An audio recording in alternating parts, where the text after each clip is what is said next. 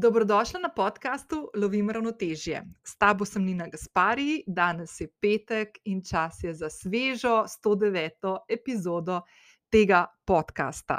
Za današnjo temo sem pripravila eno malo bolj podjetniško obarvano vsebino, kar ne pomeni, da ne bo zanimiva tudi za vse tiste, ki morda niste v podjetniških vodah. Zakaj? Zato, ker bom veliko govorila o izzivih, strahovih, spoznanjih in stvarih, kako bi danes kakšno odločitev naredila drugače, ko gledam na njo, mogoče z malo bolj izkušenega zornega kota, uh, na tiste stvari, ki so se v preteklosti odvile.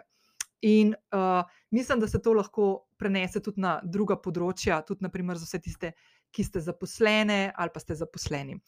Uh, K temu razmisleku me je spodbudil pogovor, ki sem ga v začetku tedna imela s kolegom podcasterjem, Sašom Papom, ki ga verjetno poznate tudi z radijskih valov, ker je bil dolgoletni radijski voditelj. Um, kar nekaj časa so se pogovarjali, mislim, da skoraj dve uri ali celo več. Bom tudi polinkala na en pogovor, ki gre, mislim, da prav danes tudi v eter, na vse platforme podcasta in njegovo spletno stran.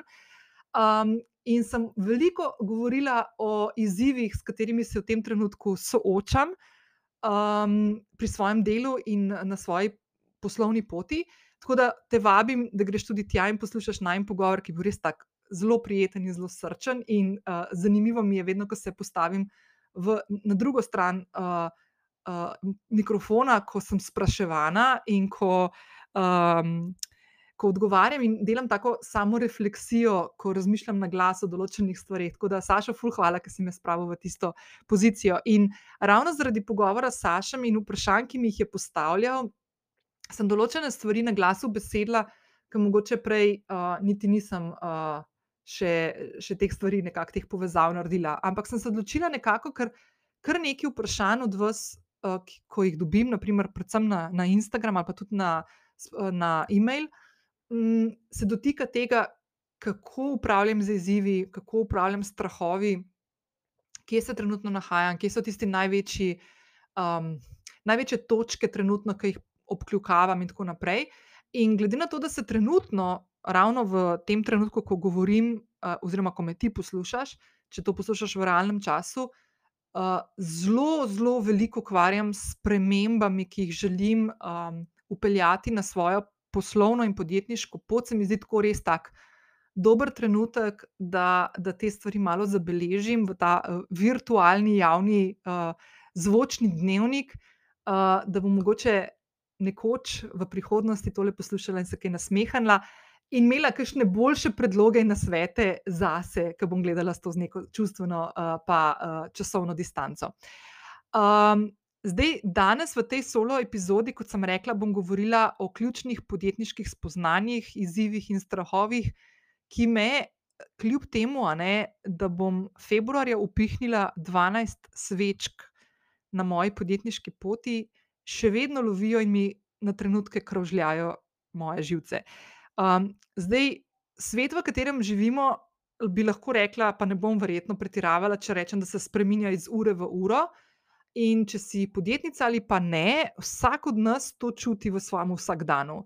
Zdaj, mali in mikropodjetniki, verjetno te spremembe in izzive čutimo še malo bolj intenzivno in na več delih svojega življenja, tako na neki zasebni kot poslovni ravni. Uh, danes bom to epizodo začela s ključnimi izzivi, ki stojijo naprimer, pred menoj v naslednjem letu in strahovi, ki me ob tem obdajajo. Uh, Potem bom nadaljevala z nekimi spoznanji, do katerih sem prišla v 12 letih svoje podjetniške poti, kaj bi danes naredila drugače, uh, kje so tiste stvari, ki si želim, da bi prej ugriznila v njih, pa sem kasneje, ko sem mislila, da sem bolj pripravljena.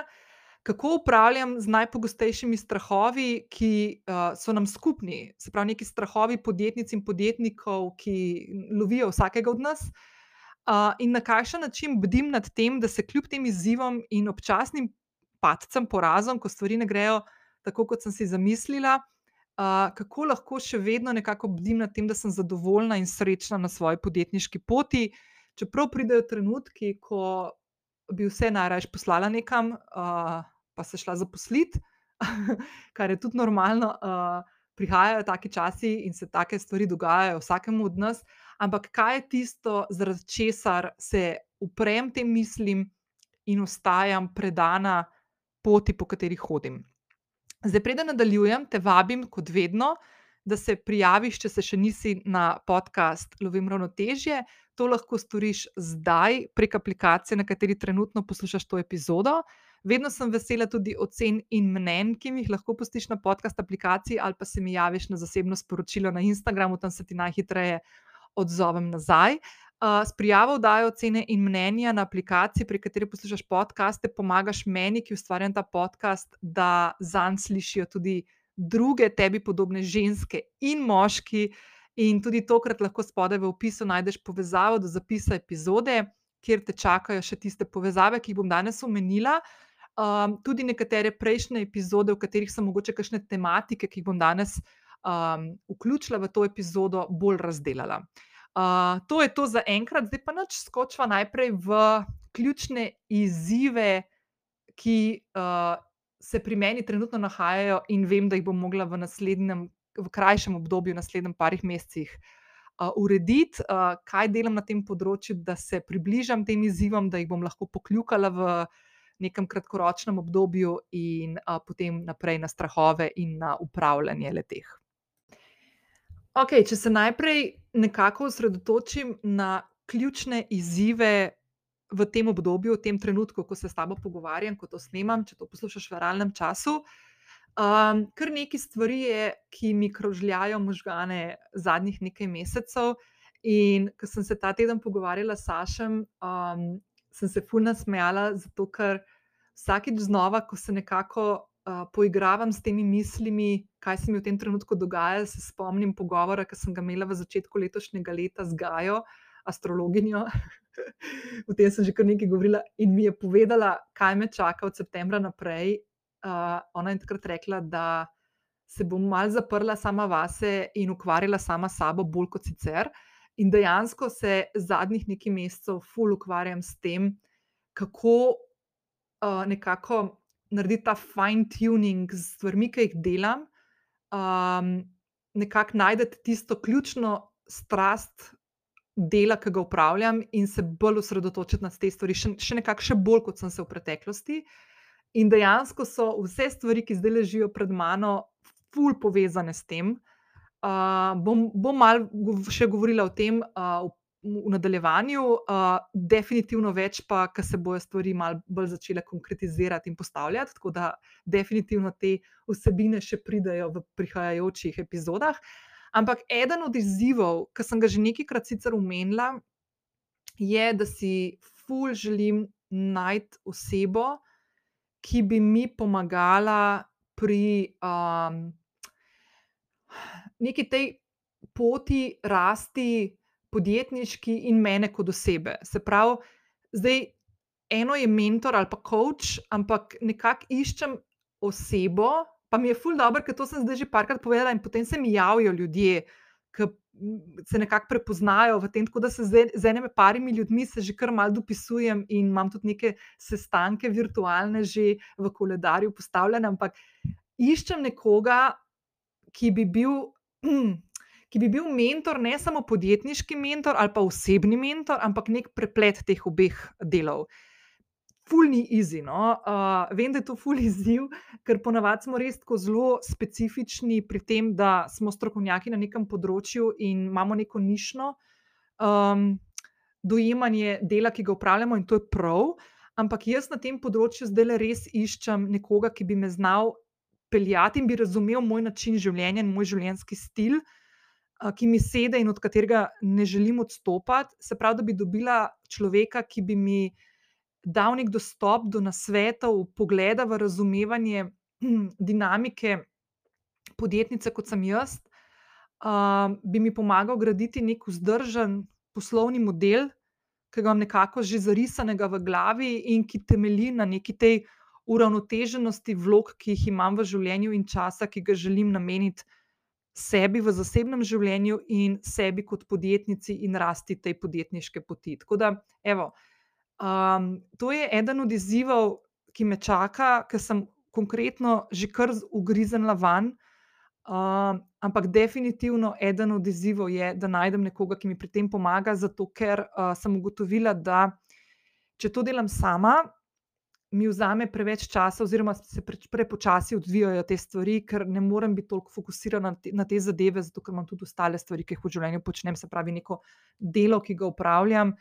Um, in uh, je prav, da tukaj odprem nek prostor za nekoga, ki je bolj priučen in izučen na tem področju, da mi lahko svetuje, pomaga in s svojimi izkušnjami uh, me hitreje vodi čez ta proces. Drugi izziv, ki me čaka in me ful straši, pa po drugi strani ful veseli, je, da želim več vlagati vase in v svoje podjetje. Kaj to pomeni? Um, en kup stvari je, za katere vem, da se jih moram bolj izučiti in naučiti več na določenih področjih, vodenje podjetja, finančno opismenjevanje, konc koncev, ker mi je res nerodno, da čist premalo poznam te stvari, čeprav sem že 12 let v podjetniških vodah in preveč stvari. Prelagam na neko zunanjo svetovalko, v tem primeru računovodsko, uh, računovodkinjo v računovodskem servisu, s katerimi sodelujem že od samega začetka. Ful bi rada več stvari na tem področju vedela.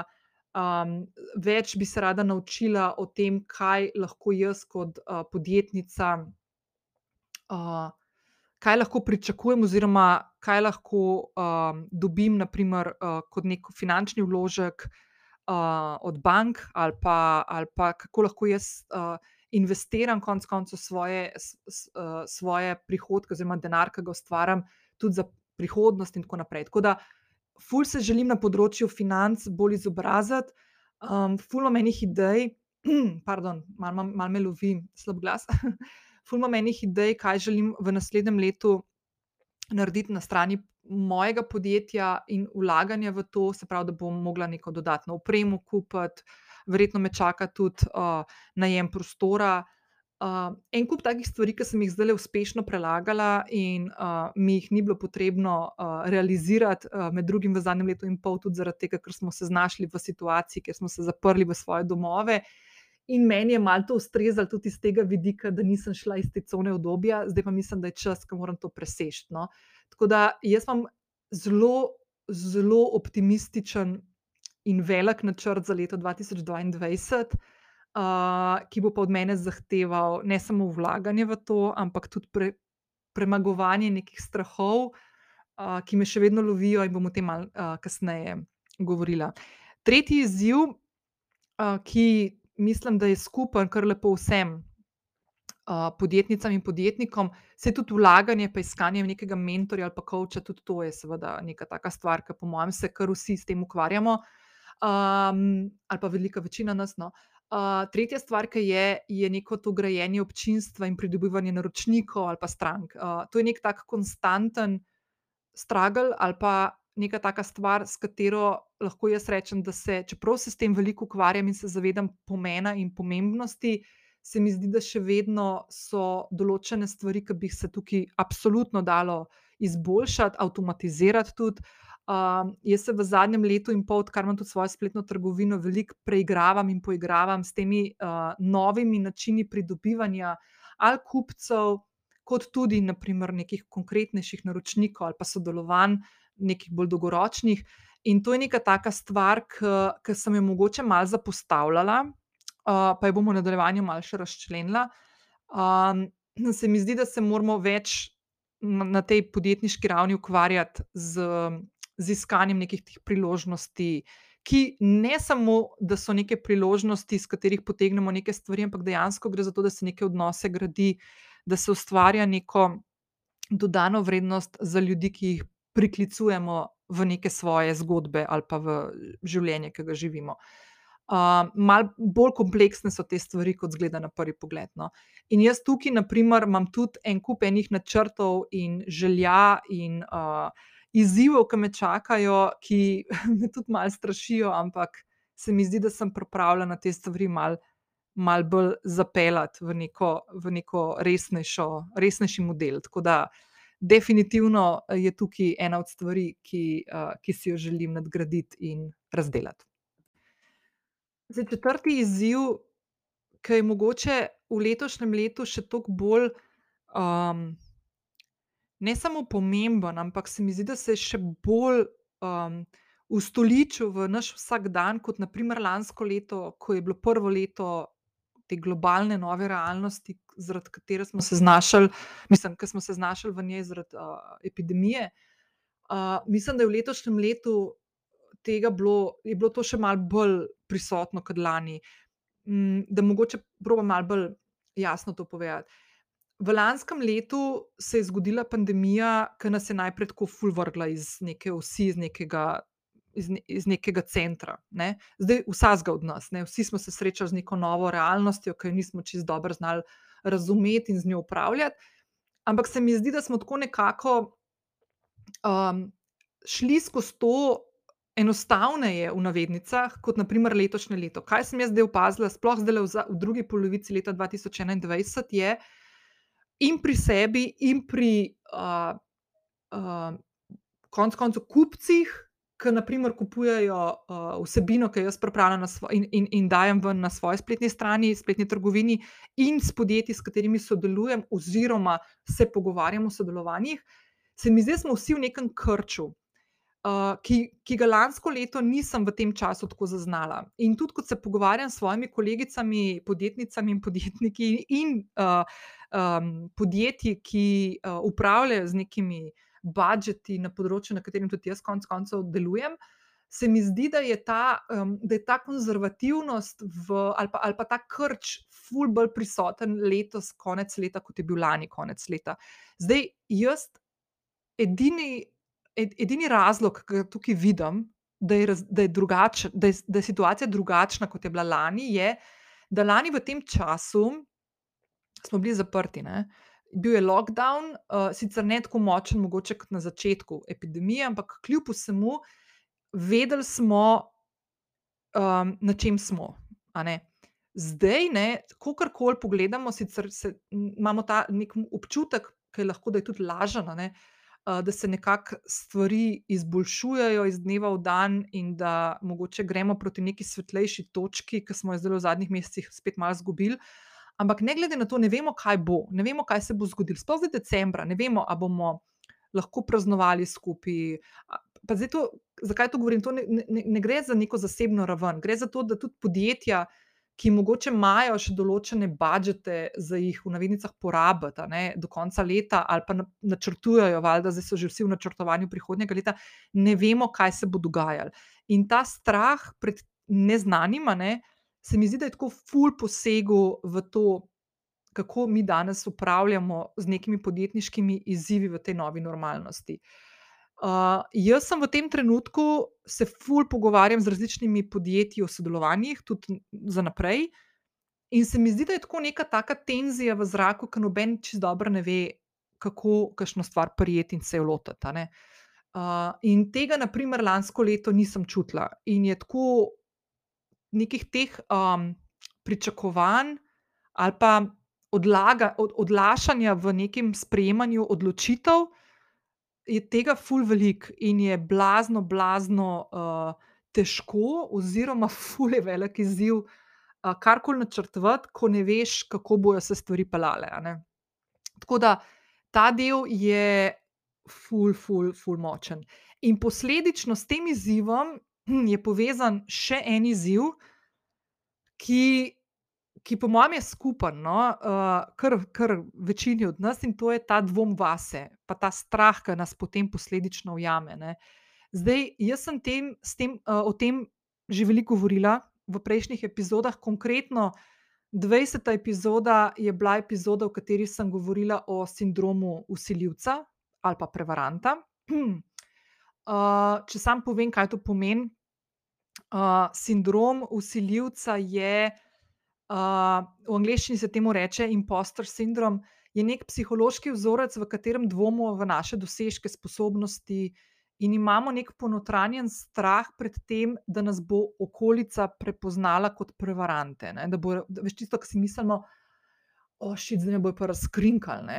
Uh, zdaj, pa, zdaj pa kar enkrat se bo pa ugotovil, da vse, kar sem jaz do zdaj delala, da v bistvu nima nobene podlage in da v bistvu sem igrala in da sem nek prevarant. Ne? Um, zdaj, v tem tednu, ne, tudi v začetku tega tedna, če to poslušaš v realnem času, sem bila ful vesela, ker sem točno te stvari slišala, še malo bolj podkovane z podatki, številkami. In sicer sem v začetku tedna bila povabljena na uradno uh, lansiranje oziroma predstavitev projekta Ona Ve. To je projekt, ki uh, promovira oziroma spodbuja ženske strokovnjakinje, da se priva, uh, prijavijo in ponudijo svoje strokovno znanje uh, medijem in um, uh, organizatorjem dogodkov. Uh, kaj to pomeni? Uh, v slovenskem prostoru, uh, govorim zdaj konkretno o medijskem prostoru, so po raziskavah, ki jih dela ta Clipping, agencija Clipping, ki spremlja medijske objave, in Metina Lista, ki jo vodi bivša novinarka Nataša Briški, so ugotovili, da se ženske strokovnjakinje v medijskem prostoru, ko gre za intervjuje ali za kakšne take konkretne strokovne izjave, pojavljamo v 24 odstotkih medijskih vsebin, kar je katastrofa. V Sloveniji, v naši družbi, imamo, mislim, da, da smo ženske zastopane v 49,7 odstotkih. Svet, ki nam ga predstavljajo mediji, ki so ključni graditelj dojemanja naše realnosti, javnega mnenja in tega družbenega impulza, nam pa dejansko predstavljajo moški. Zdaj, zakaj je do tega prišlo? Fulje različnih razlogov. Konec koncev, eden od teh je tudi to, da novinari, ko pripravljajo svoje prispevke, se običajno uh, uh, zanašajo in obračajo na kontakte, s katerimi so že delali, in moški so ponavadi tisti, ki se raje izpostavijo kot ženske. Zakaj je temu tako? Ma veliko povezave tudi s sindromom usiljivke ali pa usiljivca in sicer.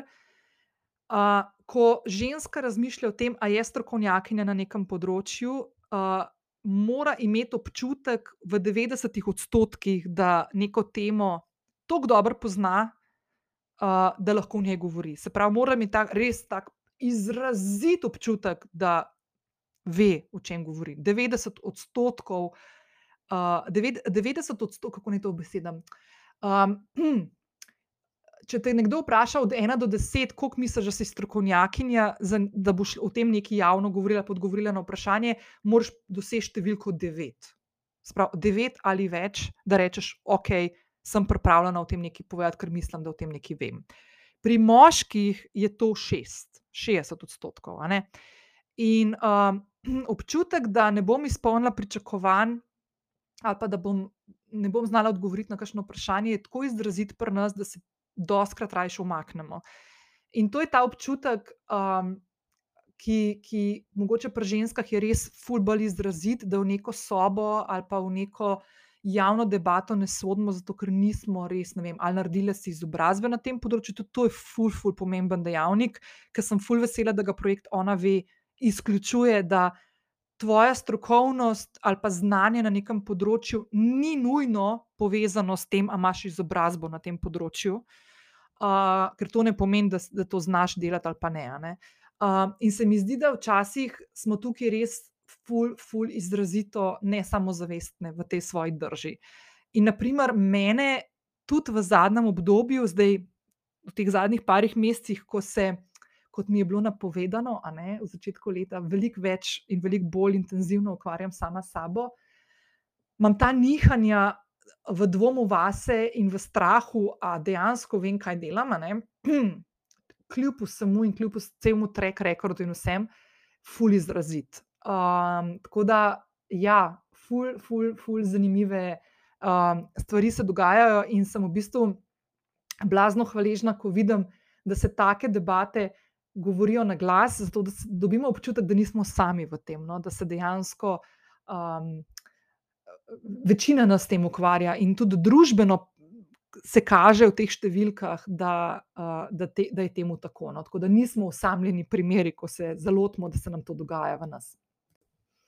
Zdaj, zadnji izziv, ključni, se izzivov je ful več, ne? ampak če bili, če jih sam še enkrat ponovim, uh, iskanje mentorja, vlaganje vase in v podjetje, uh, upravljanje z izzivi v neki novi normalnosti, grejenje občinstva in pridobivanje naročnikov, pa ta dvom vase in strah, ta sindrom usiljivke, je ta zadnja stvar.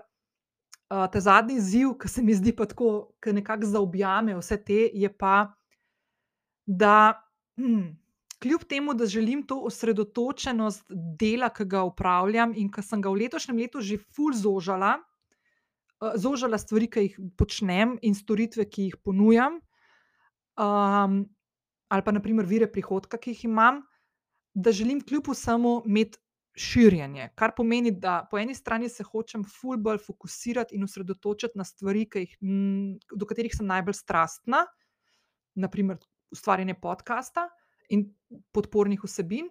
Po drugi strani želim pa svoje poslovanje širiti. Uh, in ta, uh, to, to um, vlečenje v dve smeri, se mi zdi, da je tako eden od teh izzivov, ki me čaka, na katerem ful uh, pospešeno delam in uh, me ful straši. Ampak se ga ful veselim po drugi strani. Tako da, kako se bom tega lotila, oziroma kaj v tem trenutku delam, ne bom še govorila zdaj, le, zato ker so stvari še preveč vroče, oziroma so še v um, razvijanju in v dogovarjanju. Ampak definitivno, ko bom imela te stvari uh, nekako postavljene v nek okvir in v neko celoto, bom o teh stvarih malo več povedala, ker se mi zdi en tak ful dobr primer, kako ena. En one-man band, kot sem jaz, naprimer, um, se loti teh stvari, kako se, so se odvijali ti dogovori, kaj je to pomenilo v praksi, ne samo v teoriji ali pa v teh oblakih, ki zdaj govorim, ki se verjetno niti ne predstavljate, o čem govorim, ampak obljubim, da bom o teh stvarih malo več spregovorila, ko bodo malo bolj skristalizirani uh, dogovori, ki so zdaj še v potekanju. To je zdaj prvi del današnje epizode, kot sem si ga nekako zastavila, da najprej spregovorim o izzivih, potem grem na strahove, in čist na koncu grem na neka spoznanja, pri čemer se bom osredotočila na to, um, kaj bi z današnjimi izkušnjami naredila drugače v zadnjih skoraj že 12 letih svoje podjetniške poti. In čist na koncu bom dodala še en del, kaj mi še vedno ali pa najbolj pomaga pri tem, da um, kljub razburkanosti in včasih tem občutkom in mislim, da bi najraje nekam poslala vse skupaj, kot sem prej že omenila, kaj je še vedno tisto, kar mi pomaga, da ostajam na tej poti in da sem uh, kljub tem občasnim mislim, uh, še vedno srečna z življenjem in delom, ki ga upravljam. Tako da, samo to, da veš, kaj te čaka v prihodnjih parih minutah. Zdaj, jaz sem o strahovih že kar nekaj govorila. V peti, čist na začetku podcasta, že skoraj dve leti nazaj, v peti epizodi, sem govorila o najpogostejših strahovih, ki lovijo uh, samostojne podjetnike in podjetnice. Uh, pa bom samo omenila zdaj kar sem že povedal. Tako da, če te to zanima, ti svetujem, da greš na peto epizodo. Mimo grede, še enkrat, da ponovim. Vse epizode so na voljo na vseh platformah podcasta, na katero oddajam. Uh, lahko pa vedno poslušate tudi na moji spletni strani. Uh, če rečem peta epizoda, naprimer, utipkate ninagaspari.com, pošiljka epizoda 5, 5 številko. Uh, Današnja epizoda, ki je 109, je ninagaspari.com, pošiljka epizoda 109. Tako da, sam tok, da lahko vedno tudi na tak način najdete. Bom pa te stvari, ki jih zdaj tako le omenjam, pa prej epizodo 20 z sindromom usiljivca, bom polinkala tudi v današnji zapis epizode, ki ga najdeš na ninagaspari.com, pošiljka epizoda 109. Um, ok, zdaj najpogostejši strahovi, ki jih imamo ko se podamo na neko podjetniško pot, um, so naslednji. Najprej je to ta strah pred izgubo neke varne mreže. Um, to pomeni, da varna mreža v tem smislu, da prej smo imeli plačo, ki je bila redna in smo jo dobili vem, 15. v mesecu, zdaj je pa v bistvu zelo nesigurno, kaj se bo zgodilo. Ne? A bom dovolj zaslužila, da bom lahko plačala vse račune. To je prva stvar, ki se ljudje odločamo o tem, ali bomo šli na podjetniško pot ali pa ne, prva zadeva, prva točka. Uh, potem, a bom dobila, pol, ko smo že enkrat na podjetniški poti, se lahko zgodi tudi, da izstavimo račun in je vse v redu, pa potem ni plačan. Tako, ko izstaviš račun, to ne pomeni, da zdaj si dan del in je to to, ne? ampak dejansko se zaključi stvar takrat, ko je denar za tisto stvar, ki si jo oddelal, tudi na tvojem računu. Tako da ta strah pred tem finančno nesigurnostjo je definitivno eden od uh, ključnih razlogov, zakaj se tudi uh, ne podamo, naprimer, v podjetništvo. Uh, tukaj je ta odnos do denarja, s katerim se tudi jaz ful ukvarjam, uh, ena od teh stvari, ki bi jih tudi jaz rada v prihodnje, v naslednjem letu, ful bolj razdelovala in obdelovala tudi s kakšnimi dodatnimi vsebinami in strokovnjaki na tem področju. Uh, potem je to povezano tudi z drugim strahom in to je strah pred nesigurnostjo. Ne? Uh, ta cona obdobja, mogoče ali pa varnosti, uh, zavedanja, kaj lahko pričakuješ v naslednjem mesecu, in tako tukaj ne, ne da zgine, uh, ampak naučiti se moraš te neke nove dinamike. No. Uh, jaz sem se tega mogla, kar, jaz sem se tega kar dolgo učila, ampak spet ne. Uh, zato, ker sem šla po neki svoji organski poti, ki me je mogoče dalj časa vodila skozi to.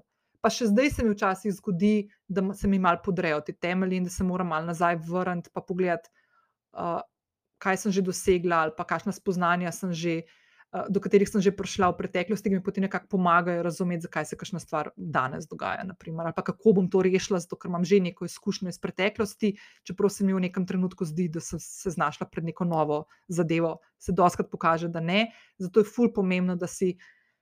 Določene stvari, s katerimi se ukvarjamo, ali zapisujemo v dnevnik, ali pa nekako beležimo, zato da konec koncev tudi ta podcast. Jaz sem šla zdaj, ker sem se pripravljala na to vsebino danes, sem šla poslušati par epizod za nazaj in sem se ful nasmejala, kakšnim stvarem uh, in mnenjem, ki sem jih takrat imela, ki ni, ni več tako, ampak mi je super, da vidim, kakšno pot sem prehodila v tem času.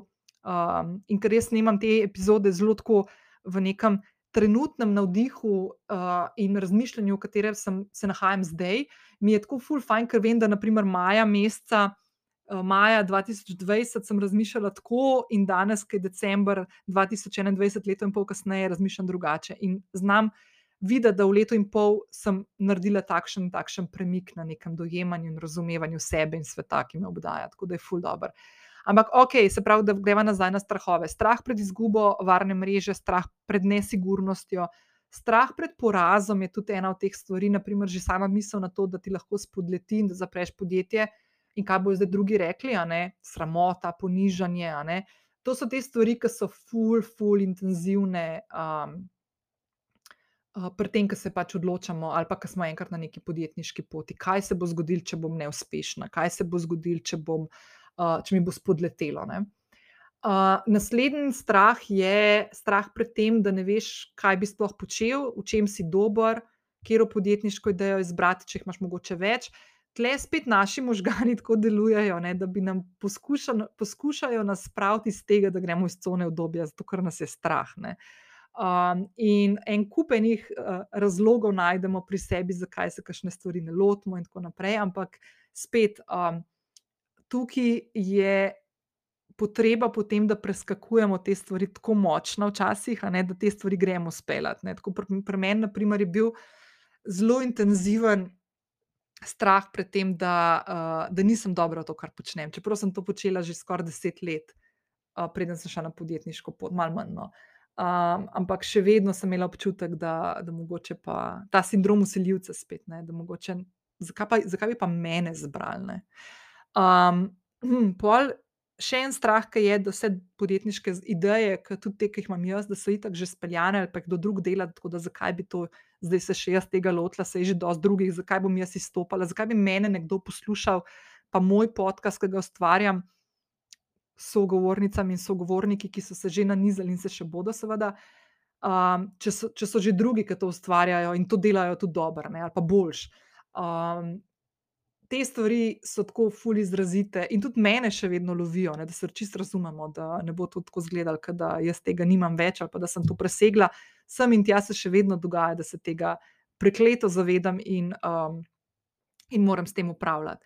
Uh, potem, ja, ena ta stvar, ki sem že omenila, da je strah, da nisem dovolj dobra. Uh, konkretno, naprimer, če jaz povem, da eden od mojih strahov, o katerem sem že tudi govorila in sem ga v lanskem letu uh, v bistvu sem ga presegla. Ja, sem ga presegla s tem, da lahko rečem, da sem se v letošnjem letu full butala v njega in ga še vedno, še vedno obdelujem in z njim upravljam. Zelo intenzivno, tudi v tem trenutku, zdaj, ko se z vami pogovarjam o tem obdobju. Pri meni je bil, na primer, izrazit strah pred uspehom. Mene je bil blazno strah uspeha, kot se to čudno sliši. Ponovadi je strah pred neuspehom zelo močen, pa tudi pri meni je bil. Sem, meni je bil tudi strah, kaj bo rekel, če bom zaprla firmo in aha, dvignila si roke, ali pa nisi bila ustrajna, ali pa nisi bila ne vem. Dosti dobro, kako koli. Um, ampak je bil skoraj enako intenziven tudi ta strah pred uspehom. Pri meni je bil sicer povezan konkretno z eno številko, ki me jo je bilo strah doseči na letni ravni, in sem zaradi tega sama sebe sabotirala. To je, to je ena od stvari, tudi pri sindromu usiljivca, uh, je ta samo sabotaža, ful, ful intenzivna. Tako da, če ima kdo tukaj se prepozna, ful svetujem res nazaj skočiti na epizodo 20, se pravi, na gaspari.com pošiljnica. Epizoda 20 se tudi lahko posluša podcastem. Um, Ker sem res bila ful vesela, da sem to tematiko šla odkrivati, ker sem ugotovila, da te stvari, ki se mi dogajajo, da dejansko niso sam. Um, Da se ne dogajajo samo meni, da, da je neka logika tukaj, zakaj se to dogaja. Zdaj, če povem, kje je moj največji strah v tem trenutku, zdaj, decembra 2021, je to, da, da bom prišla naprimer, do spoznanja ali pa do neke točke na svoji podjetniški poti, ko ne bi mogla delati stvari, do katerih sem najbolj strastna. Ne? Naprimer, tega je meni najbolj strah. Ne toliko tega, da bom imela premalo dela ali pa da bom premalo zaslužila, ampak meni je res ful strah, da bom mogla delati nekaj, kar me ne veseli. Um, zakaj? Zato, ker sem v zadnjih dveh letih prišla do teh spoznanj, kaj je tisto, kar želim delati, kaj je tisto, česar ne želim več delati, oziroma želim to s časom prenehati delati in upravljati.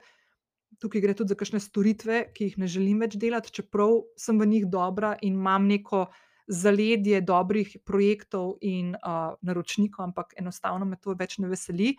In pomisliti na to, da bi zdaj mogla početi stvari, ki me ne veselijo, mi je tako res grozna. Uh, Um, zakaj? Zato, ker je, um, ko enkrat pri sebi najdeš uh, delo, ki te veseli, ki ga rad upravljaš, do katerega si strasten, temu se zdaj lahko reče moj zakaj, moje poslanstvo, moj namen v svetu, in iz tega lahko narediš neko poslovno idejo.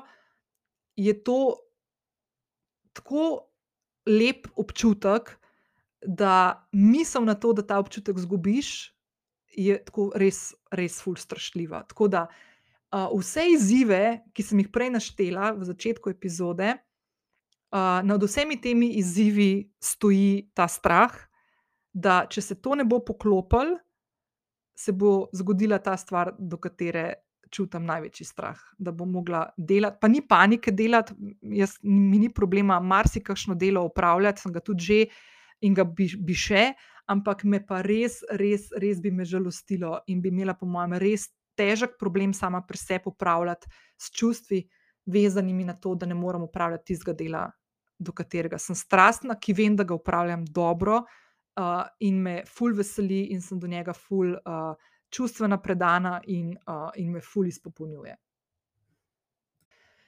Tretji, tretja točka današnje epizode, ki sem jo želela vanjo ugrizniti, so spoznanja, do katerih sem prišla v teh prvih 12 letih podjetniške poti.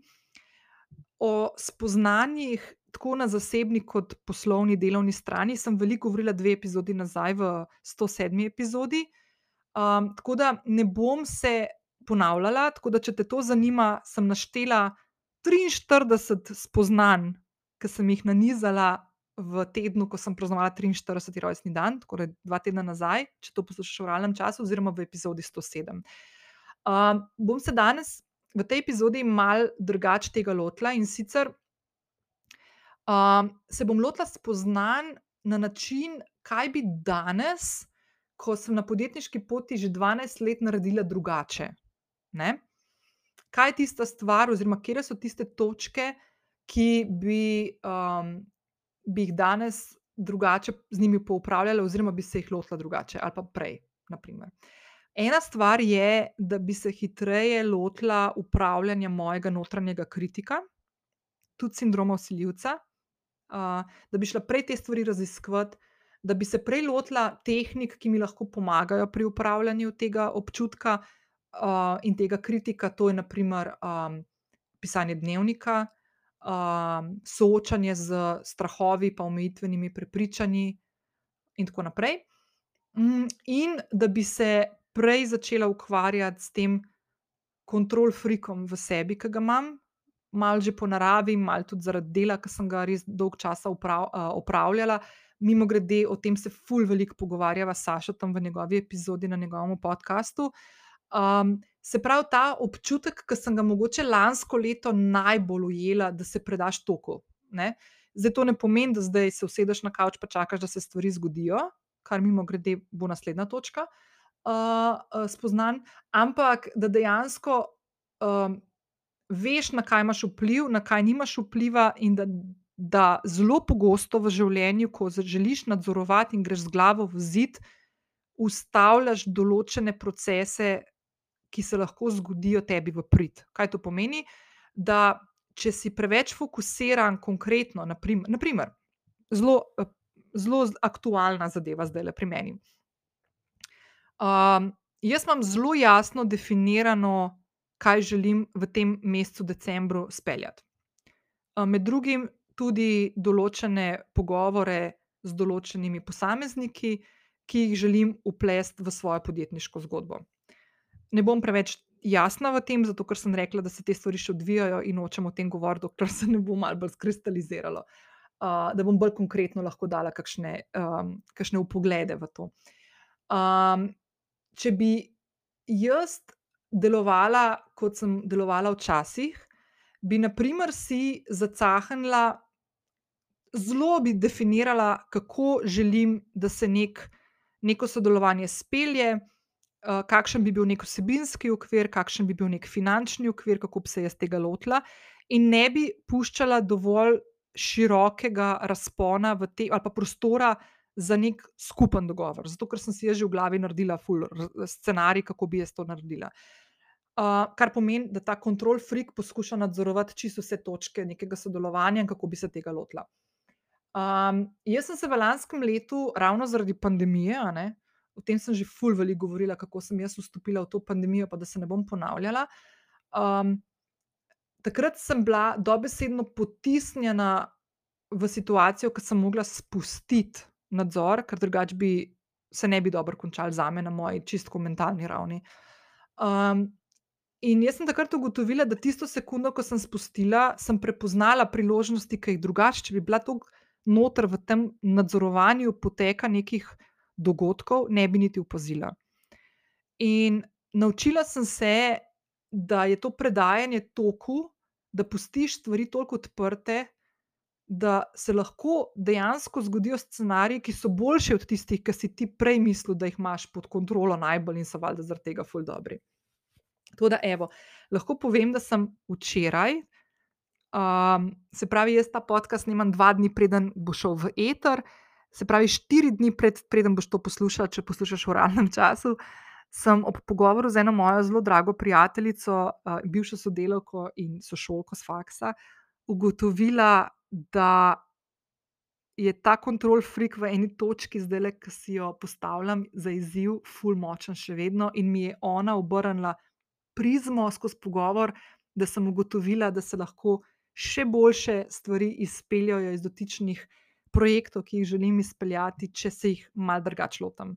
Tako da te stvari se tako skozi odvijajo, skozi jaz, jaz na dnevni ravni praktično spoznavam sebe in kako.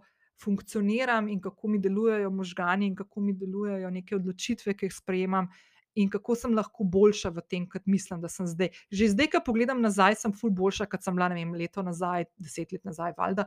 Ampak vsakodnevno se učim, tudi na, na konkretnih primerih, kako te stvari še bolj spil, pa jih izboljšati. Tako da, evo, predajanje toku, opuščanje odprtega prostora za določene ali projekte, ali pogovore, ali odnose, in tako naprej.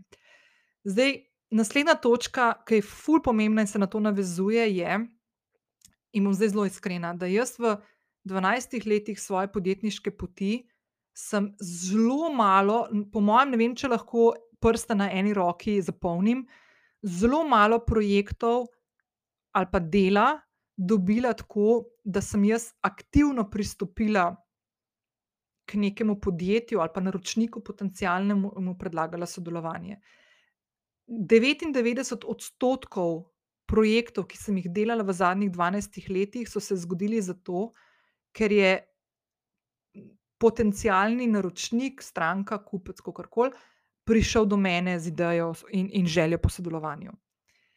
Uh, jaz bom rekla, da sem bila zelo prepotentna, še ne dolgo nazaj, v mislih, da evo, z mano si želijo delati. Uh, in čist premalo, čeprav sem imela neko to zavedanje, da to ni ok, čist premalo sem se s tem ukvarjala in premalo sem naredila aktivnega dela na tem, da bi to spremenila. In mislim, da je to ena od ključnih napak, oziroma je povezana tudi konec koncev s tistim mojim strahom, ki sem ga prej omenila, strah pred uspehom, da sem v bistvu tukaj delala ful samo sabotažo sama sebi. Uh, to, da greš aktivno pičati ali pa aktivno iskati priložnosti poslovne, je ključno in nujno za vsakega podjetnika. Tako da jaz bom o teh stvareh še malo več govorila, ker se bodo še kakšne dodatne stvari zgodile, ampak dejansko je to ena od stvari, ki jo jaz zdaj ponotranjam in aktivno delam na tem, pa sem 12 let na svoji podjetniški poti. Tako da, evo. To je bilo povezano med drugim ne, z naslednjo točko, da si želim, zdaj spoznanje za nazaj, da si želim, da bi se prej drznila delati stvari ali pa projekte, um, pa jih nisem, zato ker sem imela občutek, da nimam, to je pa to, kar sem prej omenila, da nimam dovolj znanja, da bi se nečesa lotila.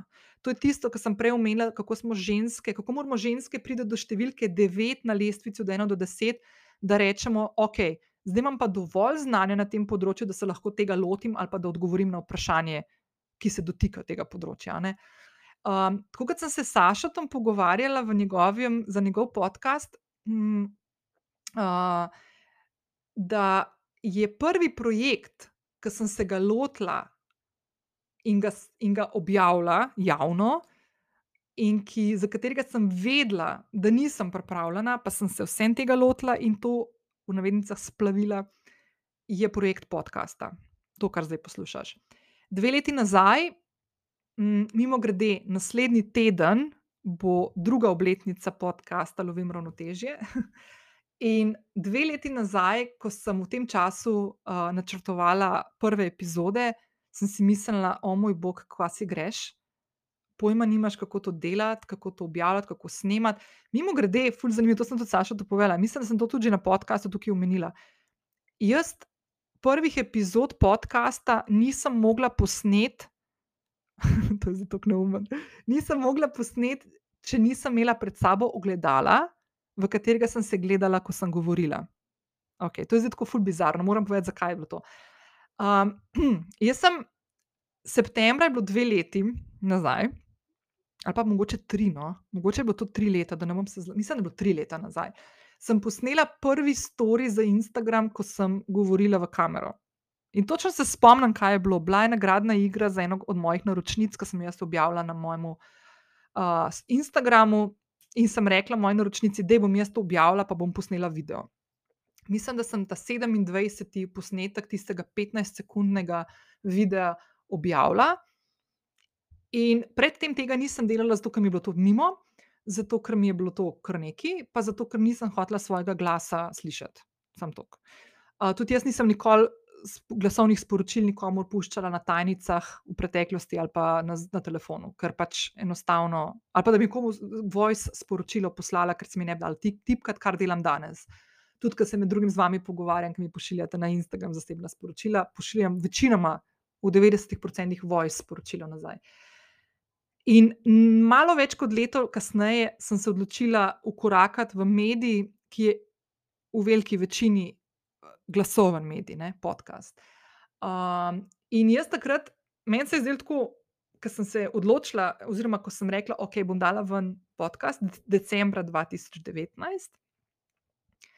Uh, sem si kupila mikrofon, levo, desno, sem si mislila, da eh, to bo easy, ne, to ni panike, pač kaj bom posnela in to je to. Vse, kokrat sem pa že bila na radiju, pa dajala izjave za radio ali pa za kogarkoli, pa tudi televizijo, ni mi to neka panika. Ne. Do trenutka, ko sem se usedla za računalnik pred mikrofon in mogla nekaj povedati, in sem ugotovila, da sem se tako navadila sama sebe gledati, ko govorim v Instagram, objektiv, ne, da enostavno nisem bila sposobna govoriti, brez da se gledam v špegu.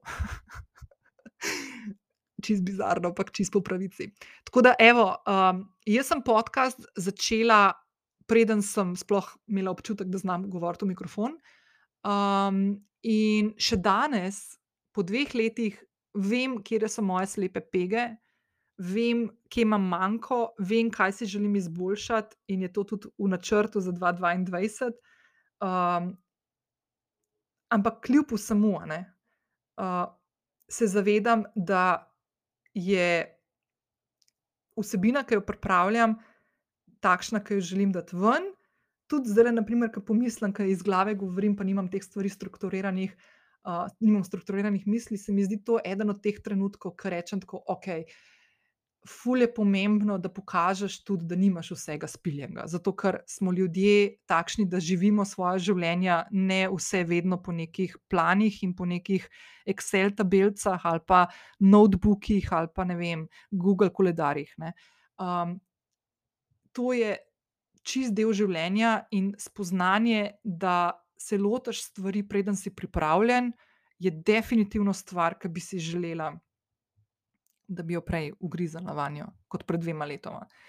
Uh, in tudi to, da bi uporabljala strahom pred, ne, pred uspehom, to je naslednja točka. Da bi, da bi sprejela projekte, ki so se pripeljali mi mimo, um, pa jih nisem vzela zato, ker so se mi zdeli preveliki, ker so se mi zdeli preveč veliki, da bi jih jaz lahko naredila ali sama. Ali so se mi zdeli izven moje cone strokovnosti, um, in nisem gorizana v njih. In za ene, dva projekta, ki imam zdaj le v mislih, mi je fulžal, da tega nisem naredila. Uh, bila sta pa povezana z enim kupom stvari, ki sem jih danes omenila, od strahu pred uspehom do tega, da si nisem upala delati stvari, ker sem bila prepričana, da tega ne znam ali pa da nisem strokovnjakinja na tem področju pa bi zdaj, ko gledam nazaj, komotih lahko speljala, ali pa je bil tako intenziven ta strah pred uh, tem, da me razkrinkajo, ne, ta sindrom usiljivca, da sem rekla, no, ne, ne, ne, raje tega ne grem, preveč lahko zgubim. Kao, uh, no, in ta zadnje spoznanje, ki se mi zdi ful pomembno, je, da bi prej postavila meje na različnih področjih. Konkretno ena meja, ki je, je meja med, niti ne ta fizična meja za človeka, kot sem jaz, ki dela večinoma od doma, ampak to, da, da mm, ta ne fizičen občutek, ne, da, da moš skozi biti v nekem pogonu, da moš skozi nekaj delati, ker drugače zamujaš ali pa priložnosti. Ali pa Ta pridnost, kao, ne, slovenska, uh, ful imam problem s tem, tako res. Uh, še vedno se tudi jaz zalotam, da naprimer, kakšen dan, tako ne vem, ali vikend ali pa večer, uh, in pa nekaj gledam tam na Netflixu, pa si mislim, da bi lahko nekaj fuljebžga naredila, pa bolj produktivnega, pa bolj kulskega. Za, vem, lahko bi pa podcast posnela zdaj, da ne boš jutri, ker boš imela fuljenega dela, še to noter tlačila v koledar. Ampak ful je pomemben, da si te trenutke pustimo. In še bolj pomembno je, da te ujamejo take misli v trenutku, ko iščeš počitek ali pa ne delo, ali kako koli, da se znaš, da se zaveš, da se ti to dogaja in da s tem upravljaš. Tako da meje uh, meje te meje, meje med delom, ki ga hočem delati, in med delom, ki ga nočem početi. Projekte, ki sem jih sprejela, čeprav mi je intuicija kričala, ne tega delati, ne tega sprejeti. Tudi letos sem imela par takih primerov, ne veliko, ampak ene dva primera, ki sem se lotila projektov, ki sem od začetka mi je govorilo v meni, problem bo nastal, ne bo kul, cool, in se je dejansko to zgodilo. Um, skratka, hočem povedati, da se te stvari še vedno učim, tudi jaz po 12 letih, in verjetno se bodo še kakšne stvari ponavljale v prihodnje, ampak je ful pomembno, da se tega zavedamo, da se iz tega zavedam, da s tem upravljam in da vsakič znova, ko se to zgodi, odpeljem stvari boljše kot predtem. Se pravi, da, da, mam, da te izkušnje nizam v način, da se boljše odločam v prihodnje, ko sprejemam kakšne stvari, in da kljub temu, da lahko rečem, da sem dobra v tem, da rečem ne stvarem, ki jih nočem delati ali pa ki me ne pokličejo, da še vedno sicer padem tudi na tem, ampak da znam potem te stvari boljše upravljati. Tako na podjetniški, finančni uh, ravni, na ravni odnosov z ljudmi, s katerimi se znajdem v taki situaciji, in konec koncev tudi ful pomembno, na predvsem to. Na ravni mojega notranjega čustvovanja, ko se take stvari in zapleti zgodijo. Ok, in zdaj čisto na koncu, ta zadnja, ta zadnji sklop, uh, ki sem se ga danes odločila vključiti v to epizodo, se pravi, na začetku smo imeli izzive, pa smo imeli strahove, potem smo imeli spoznanja. Zdaj, čist na koncu vsega tega, kar sem danes povedala, bi pa rada tako zaključila, da povem, kaj je tisto, kar mi pomaga, da sem kljub vsem tem, kar sem danes povedala, da sem še vedno srečna v tej svoji realnosti uh, in pri delu, ki ga upravljam. Zdaj, spet, ko sem šla gledat za nazaj, kaj sem že, o čem sem že govorila, da se ne bom ponavljala, čeprav vem, da veliko vas je tudi takih, ki niste podcasta Lovim ravnoteže spremljali od samega začetka in da vedno znova se ljudje vračate in poslušate kakšne epizode. Se ful smejala, ker sem prejšnji teden imela skozi prežgan Google Analytics, zato ker sem imela eno kampanjo prežgano na Facebooku. In sem gledala, kaj poslušate in kaj hočete gledati, in sem tako videla, vem, da hočete. Bila je je bila 42. epizoda, prejšnji teden se je ful neki poslušal, so še naprej, kje je bila zdaj 42. epizoda. In sem videla, da je bilo to z mojim enim od mentorjem lansko leto, ki sem z njim sodelovala. In pa sem mu prav mesec tako rekla, da moram mesec poslati, da preverjam, ej, a stikam to, komu delil ta, ta podcast, ker ne mogoče je, da bo tako ne vem, pet različnih ljudi na tem podkastu prejšnji teden. Uh, kaj hočem povedati, no, je, da sem v 11. epizodi tega podcasta, se pravi, Nina Gaspari.com, pošiljka epizoda 1.1, um, govorila o 16 načinih, kako lahko kot podjetnica ali pa podjetnik uh, bdiš nad srečo, da si srečen pri delu, ki ga upravljaš, kljub vsem izzivom in uh, strahovom in uh, vsem tem stvarem, ki sem jih že naštela, ki nas, uh, nas podjetnike lovijo. Uh, tako da ne bom se ponavljala, ampak bom pa tri točke izpostavila, mm, ki meni danes pomagajo, da kljub vsemu ne, delam tisto, kar čutim in do česar sem strastna. Ker, kot sem povedala, največji strah, ki ga imam, je to, da ne bi mogla delati teh stvari, ki jih počnem. In mimo grede, če sem zelo iskrena, bom zdaj povedala še, kje je stvar, sem do, do katere sem najbolj strastna in to je dejansko tudi ustvarjanje podcasta. Okay. Uh, eno, eno od ključnih spoznanj, uh, ki mi pri tem pomaga, je, da zelo, zelo dobro vem, kaj si želim, kaj želim početi, kaj želim delati, kaj želim ustvarjati, kakšne vsebine želim ustvarjati, s kakšnimi sogovorniki želim uh, uh, se pogovarjati, ali pa sogovornicami, s kakšnimi podjetji želim sodelovati, in tako naprej. Jaz, ko zelo globoko v sebi imam ponotranjen občutek, da vem, kaj je moje poslanstvo, kaj je moj zakaj, kaj lahko jaz dam svetu, ki me obdaja, da bo v navednicah boljši, bolj pozitiven in tako naprej. In se tudi to trudim v vsako vsebino, v vsako epizodo nekako uplest. Um, tako da to spoznanje, kaj je tisto, kar me veseli, je eno od ključnih spoznanj, ki sem ga že ful velikrat omenila v tem podkastu in se nočem ponavljati, ampak dejansko eno od ključnih spoznanj, ki tudi meni lajša uh, sprejemanje odločitev, uh, usmerjanje na neki poti, kam hočem iti, ne, in tako naprej. Uh, druga točka je, da znam boljše upravljati s svojim časom.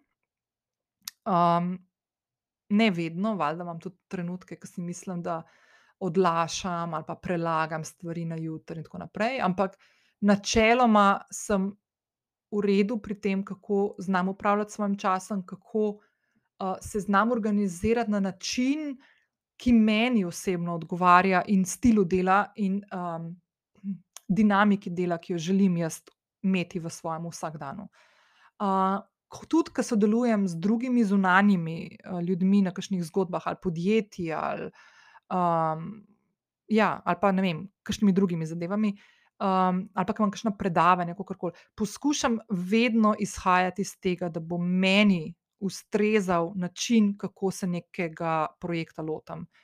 Uh, pa to ne pomeni, zdaj, da jaz tukaj trmaram v eno smer in zahtevam, da se točno tako naredi, ampak da enostavno poskušam imeti pred očmi uh, spoznanje, kako meni odgovarja funkcionirati v svojem poslovnem življenju in življenju nasploh. Um, in ta tretja točka, da znam reči ne. Um, kot sem rekla prej, če sem zelo iskrena, ne rata vedno. Tudi meni se še ne dolgo nazaj zgodilo, da sem naredila stvari ali pa se odločila za, za, za stvari, projekte, ki bi mogla reči ne, pa sem že takrat imela ta notranji glas, ki sem ga pol poteptala in ni bilo ok. Uh, in vedno znova se to izkaže, kako pomembno je, da, da take stvari znaš poslušati. Ampak sem pa definitivno te stvari tako spila, da, da danes v 80, 85 odstotkih se pravilno odločim, kar rečem ne. In da tudi pri večini teh stvari, pri, pri večini predlogov, ki jih dobim, rečem ne. Um, to se mi zdi, da so take ključne stvari, sigurno jih je še več, no, ampak to so tri ključne stvari, ki mi vsakodnevno, pri praktično vsaki odločitvi, ki se jo lotim, ali pa se jo moram, se, se jo moram lotiti, pomagajo, da izberem tisto pot, ki je prava.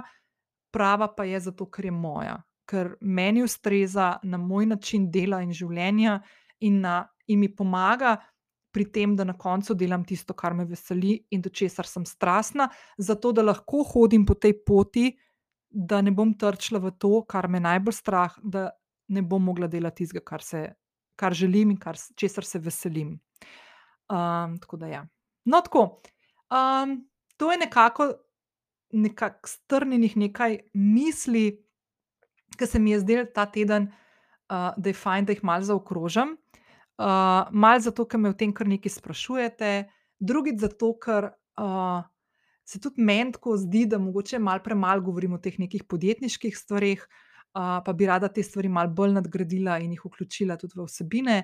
Uh, pa zato, ker moram reči, ful, hvala še enkrat Sašotu, ki me je spodbudil z, z vprašanji, ki mi jih je postavljal za njegovo ident, identiteta podcast, uh, ki sem ga tudi polinkala spodaj v zapis epizode, da, um, da sem o tem razmišljala. Da, ja. Uh, to je to. Uh, hvala, ker si bila in si bil z mano do konca. Blazno, blazno, veliko mi pomeni uh, tvoj čas, in jaz upam, da um, čim večkrat upravičim to, da ostaneš z mano do konca in poslušaš vsebine, ki jih z velikim veseljem in strastjo pripravljam za te. In uh, ti želim en lep prvi petek v decembru, uh, pa še lepši vikend, bodite fajn, bodite zdravi uh, in uh, se slišmo naslednji teden. Hvala za spremljanje in poslušanje. Addio!